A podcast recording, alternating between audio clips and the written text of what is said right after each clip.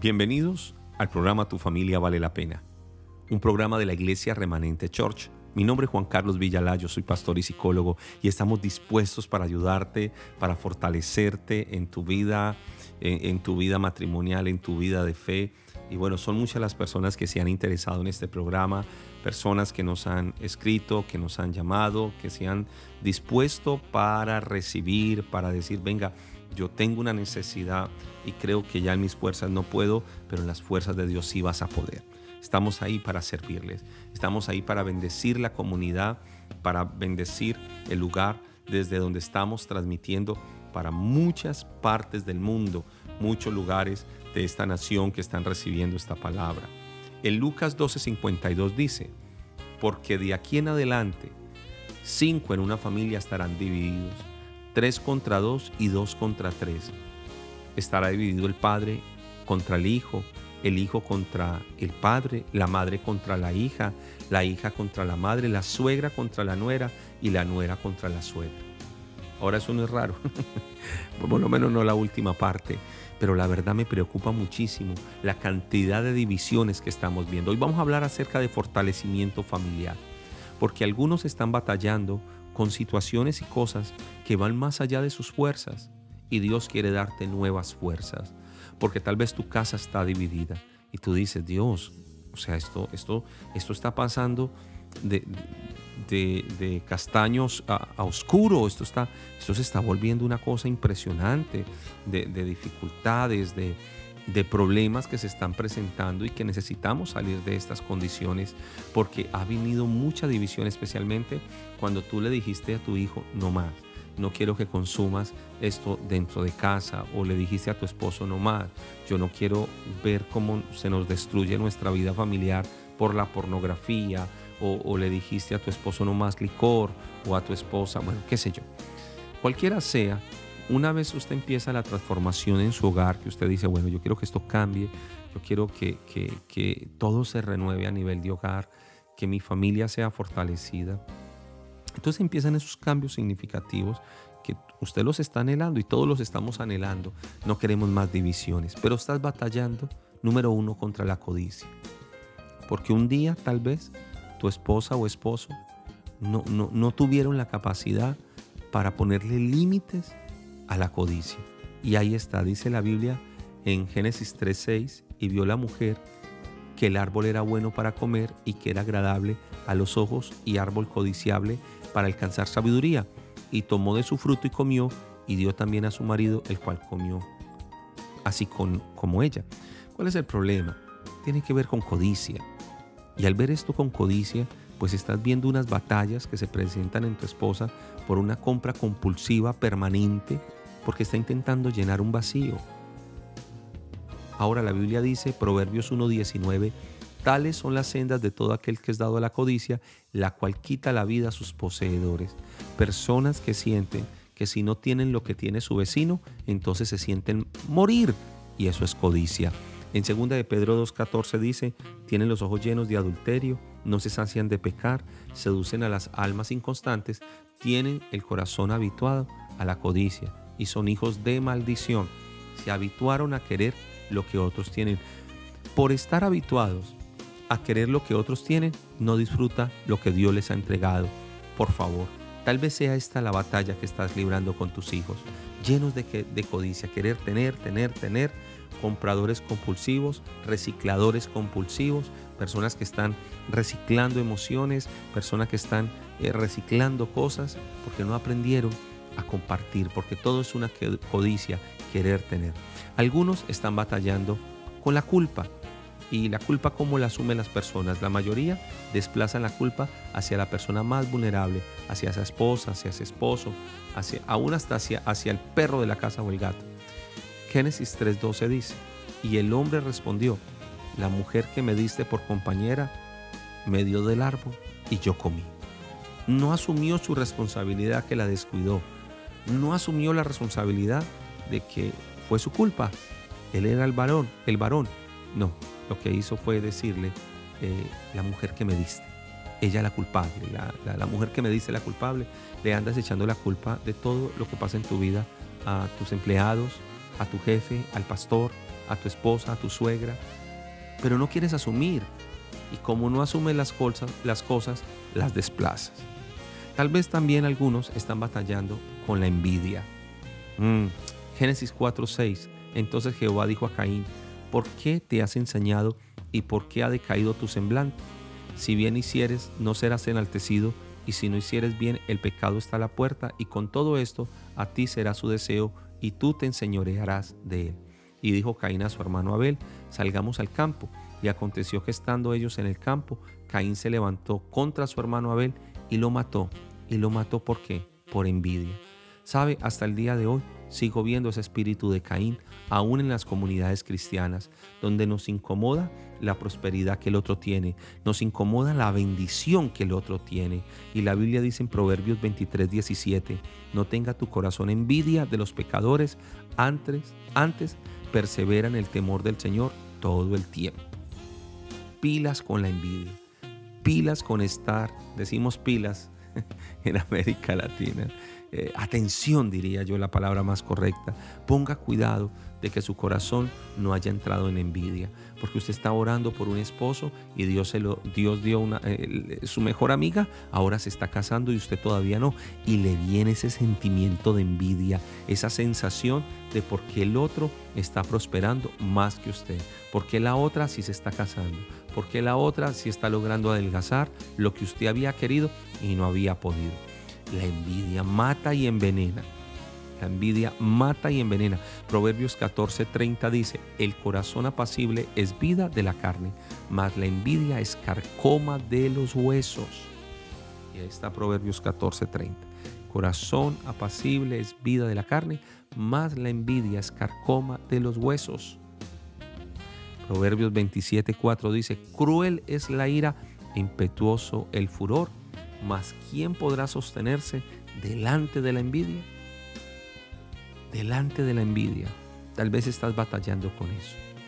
Tal vez estás batallando de que no te sientes bien ni en paz o aún te están envidiando. Señores, son batallas y por eso vengo en esta mañana a, fortalecer eh, tu vida en fe, en Dios, en propósito y que te apartes de la codicia, que te apartes de la envidia, en el nombre de Jesucristo. Otra cosa que quiero que te apartes y, por eso venimos a fortalecerte en fe, en familia, de toda maldición. La Biblia dice que la maldición no vendrá sin causa. ¿Ok? La maldición no vendrá sin causa. Hay algunas personas que tienen una boca que se presta para maldecir. No. Si eso está sucediendo en tu vida, no lo hagas. No maldigas a tu esposo, no maldigas a tu esposa, aunque luego usted llega y dice, no, vea, le pido perdón por lo que hice, qué pena.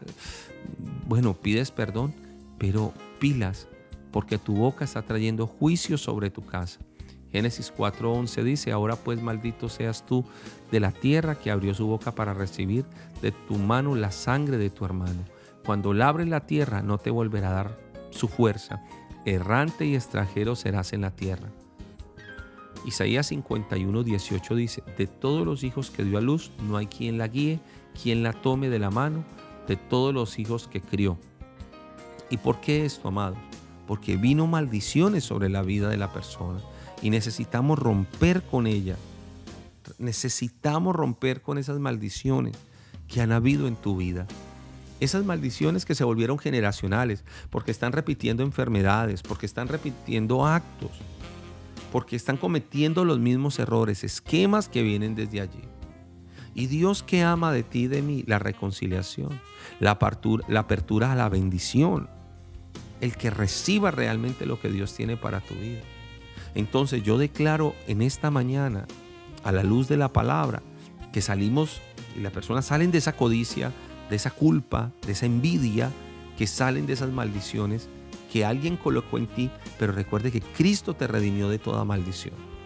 Entonces el llamado del Señor hoy es el llamado a la reconciliación, a fortalecer esa familia. Tú que estabas pensando separarte, ¿estás loco? ¿Estás crazy?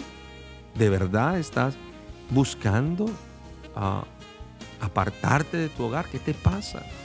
Esa esposa fue la que Dios te dio, sus hijos son hermosos. Así que en este día puedes tomar la decisión y decir, voy a entrar en un proceso de restauración y reconciliación. En 2 de Corintios 5:19 dice que Dios estaba en Cristo reconciliando consigo al mundo, ya no tomando en cuenta el pecado, sino que eh, lo, cargó en él el pecado nuestro y nos encargó a nosotros la palabra de la reconciliación. Estamos llamados a reconciliar, estamos llamados a fortalecer. La Biblia dice en Efesios 2, 15 y 16, aboliendo, quitando en su carne las enemistades. Toda, toda, todo lo, lo, la ley de los mandamientos expresada en ordenanzas para crear en sí mismo de, del dos un solo y un nuevo hombre haciendo la paz. Y ese es el propósito del Señor, que quiere traer a tu hogar paz, quiere fortalecerte. Porque tu paz, eh, perdón, tu casa se volvió una casa de guerra. Y todos pelean y todos discuten y todos se hacen daño y son gritos y entonces cuando no es este que ha caído es el otro y esto se volvió una cosa loca, terrible. Pero estamos llamando a la reconciliación. La Biblia dice en el versículo 16 de Efesios 2, y mediante la cruz reconciliar con Dios a ambos en un solo cuerpo, matando en ella las enemistades. Hoy declaramos que esas enemistades el Señor las mata. Eso que está destruyendo tu hogar. De repente se cumple lo que dice Mateo 10:36, que los enemigos del hombre se les volvieron los de su propia casa. Entonces le quiero recordar que Dios está en Cristo reconciliándote, reconciliando tu hogar. Y hoy, todo lo que han sido esas actas, esos decretos, todo lo que han sido esas palabras que has expresado contra tu esposa, contra tu esposo, yo declaro que eso está cancelado en el nombre de Jesús y que hay una restauración en tu vida y que tu familia se fortalece en el nombre de Jesucristo. Pero yo necesito, amados, que, nos pongamos de acuerdo. Es fácil, entremos en un acuerdo. Venga, ¿qué vamos a orar en esta familia? ¿Para dónde va a caminar esta familia? ¿Cuál es el propósito de esta familia? En Mateo 18, 19 dice, otra vez os digo, que si dos de vosotros se pusieren de acuerdo en la tierra acerca de cualquier cosa que pidieren, les será hecho por mi Padre que está en los cielos. Y acuerdo tiene que ver con pacto y pacto tiene que ver con matrimonio. Mateo 18, 19 nos dice, entra en acuerdo, pero ¿sabes qué está pasando? Que tú oras una cosa y tu esposo otra. Eso así no funciona, porque están divididos aún en la oración. Y, el llamado del Señor es a que realmente en matrimonio, en pareja, oren los dos una misma cosa. Oren los dos una misma cosa. Vayan por un mismo camino. Y aquí hay un mandamiento también tiene que ver con el perdón. Entonces se le acercó Mateo 18, 21. Entonces se le acercó Pedro y le dijo, Señor, ¿cuántas veces perdonaré a mi hermano que peca contra mí hasta siete? Jesús le dijo, no te digo hasta siete, sino hasta setenta veces siete. Y esto es interesante. Fuimos llamados a heredar bendición, porque la Biblia lo dice, que somos bendición, pero también que nosotros debemos de tener como estilo de vida el perdón.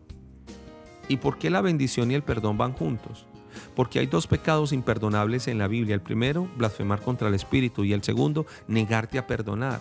Entonces los cielos se te vuelven de bronce cuando no perdonas. Y si no perdonas, la bendición no fluye.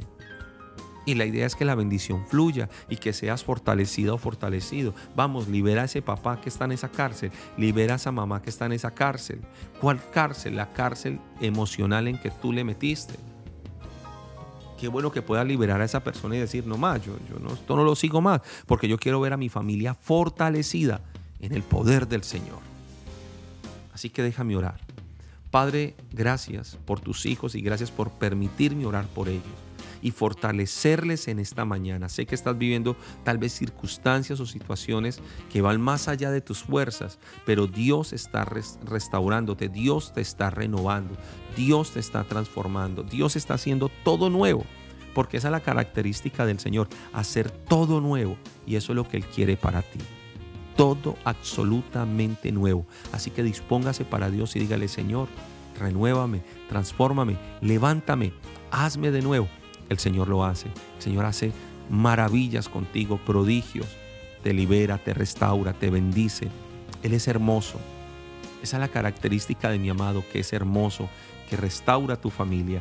Recuerda, tu familia vale la pena. Que Dios te prospere en todo.